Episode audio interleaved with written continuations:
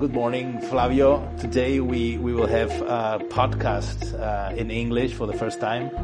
And it's my pleasure to have you here because you're actually my boss in the, the ethics department. So. I wouldn't say, oh, it's a pleasure to be here. I wouldn't say boss, we are a group, we are a team, so we are all together in it, yeah. So this podcast belongs to a series we call Inescapable.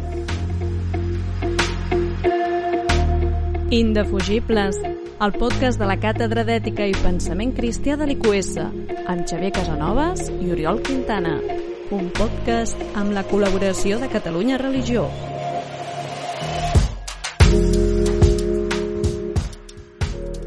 So I guess I should present you, Flavio. Flavio is one uh, of the most important economists in Brazil, and we are lucky enough to have him here living in, in Spain, living in Barcelona, and working here at IQS.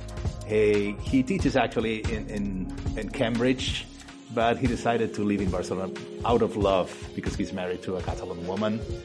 Uh, so anyway, uh, so we're here now to, to, uh, today to talk about the polemics between Freeman and Friedman, or Friedman and Freeman, should we say, which is a polemic related to the corporate social responsibility, you know? so the responsibility that the companies have towards society in general. Uh, Flavio, can you can you tell us a, a little bit about uh, who Friedman was? Okay, yeah, thank you so much. Thank you for your kind introduction. Now, um, the first thing I should say about Friedman is that he was one of the most influential economists we had in the last century. And that happened uh, not only because he founded a school, so when we talk about the Chicago School of Economics, we quite often would refer to Friedman. There are others like Gary Becker who are important, but Friedman was the central uh, figure for that, especially for macroeconomics.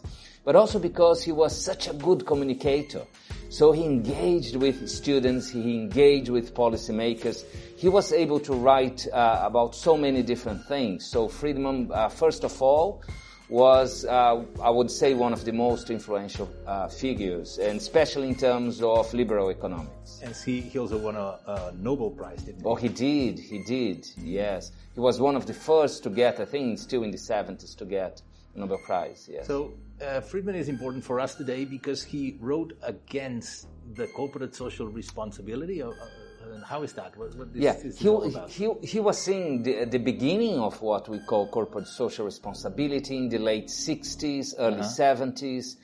And then he was straight to the point. Now, um, as I said, he's such a good communicator. So he went straight to the point and he said, look, we can talk about uh, personal responsibility, responsibilities that individuals would have but we cannot talk about responsibilities of companies because companies, they are not real persons. They are artificial persons. And as such, they have artificial responsibilities. What he was um, trying to explain was that companies, they are made of people, people getting together. And when we are talking about managers, managers, they are actually there to work uh, hired by the owners of the company. And the owners, they want to have their profits. So for him, the managers were there to generate profits. Now, if the managers decide that they are going to allocate the resources of the company just to try to do uh, CSR, to try to do good, they might be spending the money of the owners without the owners without knowing. So that, that is the interesting thing because he used what we call the asymmetric information theory. Mm-hmm. Now, the asymmetric information theory, it's, uh, I normally I joke, I say after supply and demand, that's one of the most interesting things that economists have done uh-huh. because it explains that every time we engage in a, an economic relationship with someone, we can define who is the principal and who is the agent. Yeah. And the principal is that person uh, that normally would hire an agent. So if you go to your mechanic, uh-huh. uh, if you go to your dentist, if you go to your uh, plumber, uh, if you go to uh, well to your company, then we have to establish whether that person has or not complete information about what the agent is doing. And quite often this is not the case. Quite often when you go to a doctor, you have no idea, you are feeling ill, and then your doctor will tell you uh, so the plumber and, and, and as to, well. And you have to trust him. and you have to trust. Because you don't know. That's the, the asymmetry of information. Yeah. He has the information, yeah. you don't. Yeah.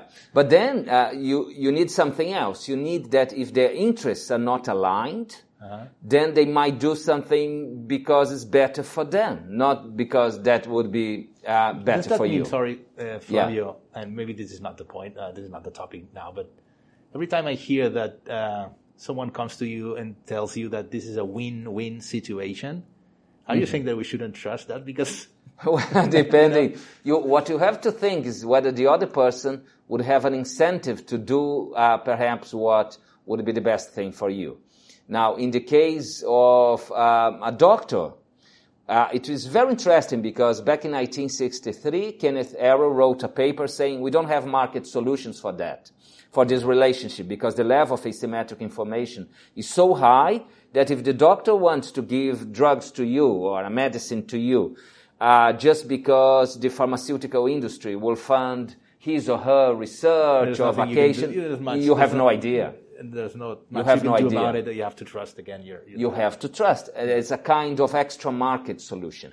And you, and you are going to trust because there are institutions that are controlling the doctors, or we don't have for plumbers or mechanics, mechanics. but yeah, we don't. Yeah, we well, need I- it. At the end, yeah, if a mechanic is only is scamming people all the time, he will uh, have a, a bad A reputation, reputation, and yeah, then the yeah. other mechanics will Yeah, control him somehow. Yeah. Now, Friedman's point was very straightforward. Now, managers, if they start doing that, they might doing that for their interests. And then they might undermine the interests of uh, the shareholders. And because of that, the managers will get the money damaging the interests of other groups, either reducing profits or if they are increasing prices, they are going to undermine the interests of consumers, or if they are reducing wages because they have to get the money from somewhere. Yeah. So uh, they are going to be uh, reducing the interests of the employees. So his point was not that companies shouldn't do anything. He thought that companies should pay their taxes and obey the law. Uh-huh. But that somehow they shouldn't allocate resources that don't belong to them uh, otherwise, to, to other means. And also because they are not trained to do that. This is not true today. Not now, true big companies, you do have CSR departments, you have And, people and trained. thanks to business school like ours, where we try to teach our Totally, students. yeah, yeah, totally, me- totally. But that was his point. Let me let me ask you. So about asymmetric information, the only way that the the, the shareholders have to know if the company is doing right or not is actually profits. No, it's it's the only language that uh, the managers are are obliged to use, uh, and the only that the shareholders can understand is that the the way the asymmetric information is problem is solved, so to speak. Yes, for Friedman, yes. But I, what I could say is that today we have, uh, we are living in a much uh, richer world in terms of information. So if you want to check the ESG, E for environment, S for social, G for government, statistics that governments, that governments, that companies have. So you can see whether they are performing well in terms of environmental, social, and As long, governance as long as they don't, the companies don't lie in their reports, obviously. Well, quite often they do, but then you, they have these scandals, and then this kind of statistics and the markets are very sensitive to that because they know how that can affect their profits as well. Yeah, because reputation is important. Oh, totally, totally, yeah. So that was Friedman. No, basically he said that Yeah. uh, in order to to be a good person, there are other ways than taking the profits and and allocating them for the good of the society in general. No, Mm-hmm. so companies are for what they are for. And so so what what did Friedman say? Yeah, what is interesting about Edward Freeman, and he wrote in the early 80s, was that he thought that the main aim of the companies was not to generate profits only. That the companies, they have to be accountable to the whole society because you are employing people, so you are accountable to your employees.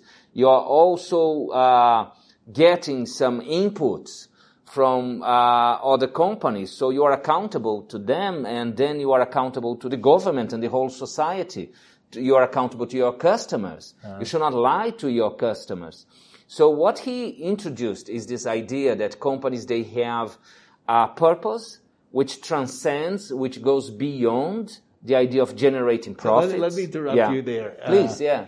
When you I mean, this is a very strong statement because uh, I don't know about your students, but when, actually, let me ask you that. It, when you ask your students what companies are for, what is their spontaneous uh, reply? I mean, because uh, I'm, I'm, guessing that they will say, actually, companies are for making money and not much else.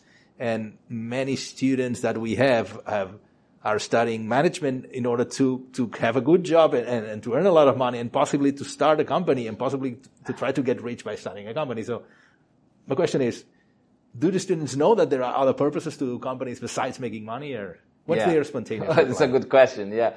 Now, uh, I, I, normally I start by introducing, uh, Friedman. And sometimes, uh, students are so convinced by Friedman that they do not appreciate the stakeholder theory by Freeman. Mm-hmm. Because they got so, oh yes, it's about paying taxes, let the government do the job of helping the poor uh-huh. or whatever, so uh, obeying the law, so that, that's everything.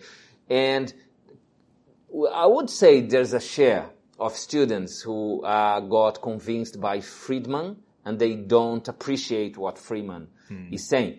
But I should emphasize one point is that Freeman is not about doing good It's about having a good management of the company. So you are going to prevent that scandals uh-huh. will, will take place. So if you take care of your stakeholders, and then you can detail that in stakeholder maps. And so you are going to just provide a stable environment for companies right. to. And, and, that is in your self-interest. Well. That's in the self-interest of the company in order to make business, which is. Sure.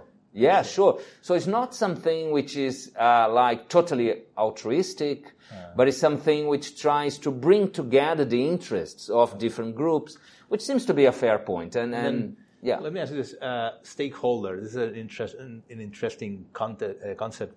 So, who is a stakeholder? Uh, a stakeholder is also someone who is actually could be living far away f- from the the place where the company is. I mean, uh, is it only the people who work for the company, or, or is also anyone who can be affected by the yeah, activity no, of the company? Good point. Yes, especially for for today's big corporations that they depend. They, they are not companies. We, we talk about companies, but what we see for big corporations is that they are global supply chains. Yeah. We have lots of companies working together. So at the very end of, or at the very beginning of the process, it depends on how you want to see. You might see child labor. You might see some children who are going to be the stakeholders of the company because they are not earning enough for living and they have to work 14 hours a day. So we can understand them as stakeholders as we can understand the final consumers that are paying for cheap clothes or whatever. So we have the whole range. So that's why we have to specify in a stakeholder theory who are the stakeholders. Even environment uh, can be considered. No? So, yeah. yeah. And so um, are you objective when you explain the two approaches to this topic, or do you have a do you favor one of the two, uh, Freeman or Freeman? Do you do you think yeah, one no, is right and the other isn't, or?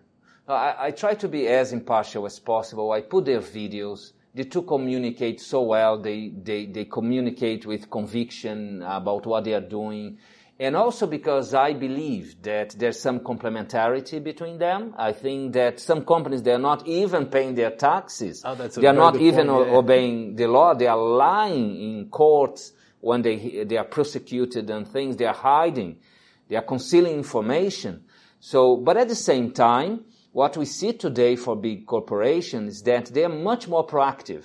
So Freeman would explain why they engage with sustainable development goals, why they are trying to do things to reduce the gender pay gap. And so there are so many initiatives that companies have that you can only make sense if you understand Freeman. So I think both have uh, a value, and that's why I think I try to be as impartial mm-hmm. as possible. But wouldn't you say that these initiatives don't actually come from, from the, the Freeman theory? So once Freeman started to talk about corporate social responsibility, it was then that he produced a cultural change, so to speak, in corporations. Or did corporation already had started to, to do such actions? Yeah. I, I think uh, it's very difficult to uh, to disentangle, to separate the facts, because I, I think things go together. Yeah. I think ideas go together with reality, and they help to shape. Think about our students here when we present these things to them, so and when we request them their projects that they talk about corporate social responsibility, they are including a little bit. They are saying, oh, perhaps my company should have a code of conduct. Perhaps I should use something in the future just to monitor how I'm doing with my stakeholders. So we, we help with ideas to shape reality and the reality shapes our ideas uh, as well. Yeah. So yeah, most of the interesting ideas come come at their at their point of time, uh, as if well, historical development asks for new ideas, and then that's when they come. So it's difficult to say what started it. No, how how did it start? Yeah, no, totally. Yeah. Okay, uh, Flavio, time's up. Yeah, it was a pleasure. It was a yeah. pleasure. I hope we can we can meet again and and and, Yeah. and have another podcast in this uh, inescapable series of ours. Thank you very much. Very good. Thank you.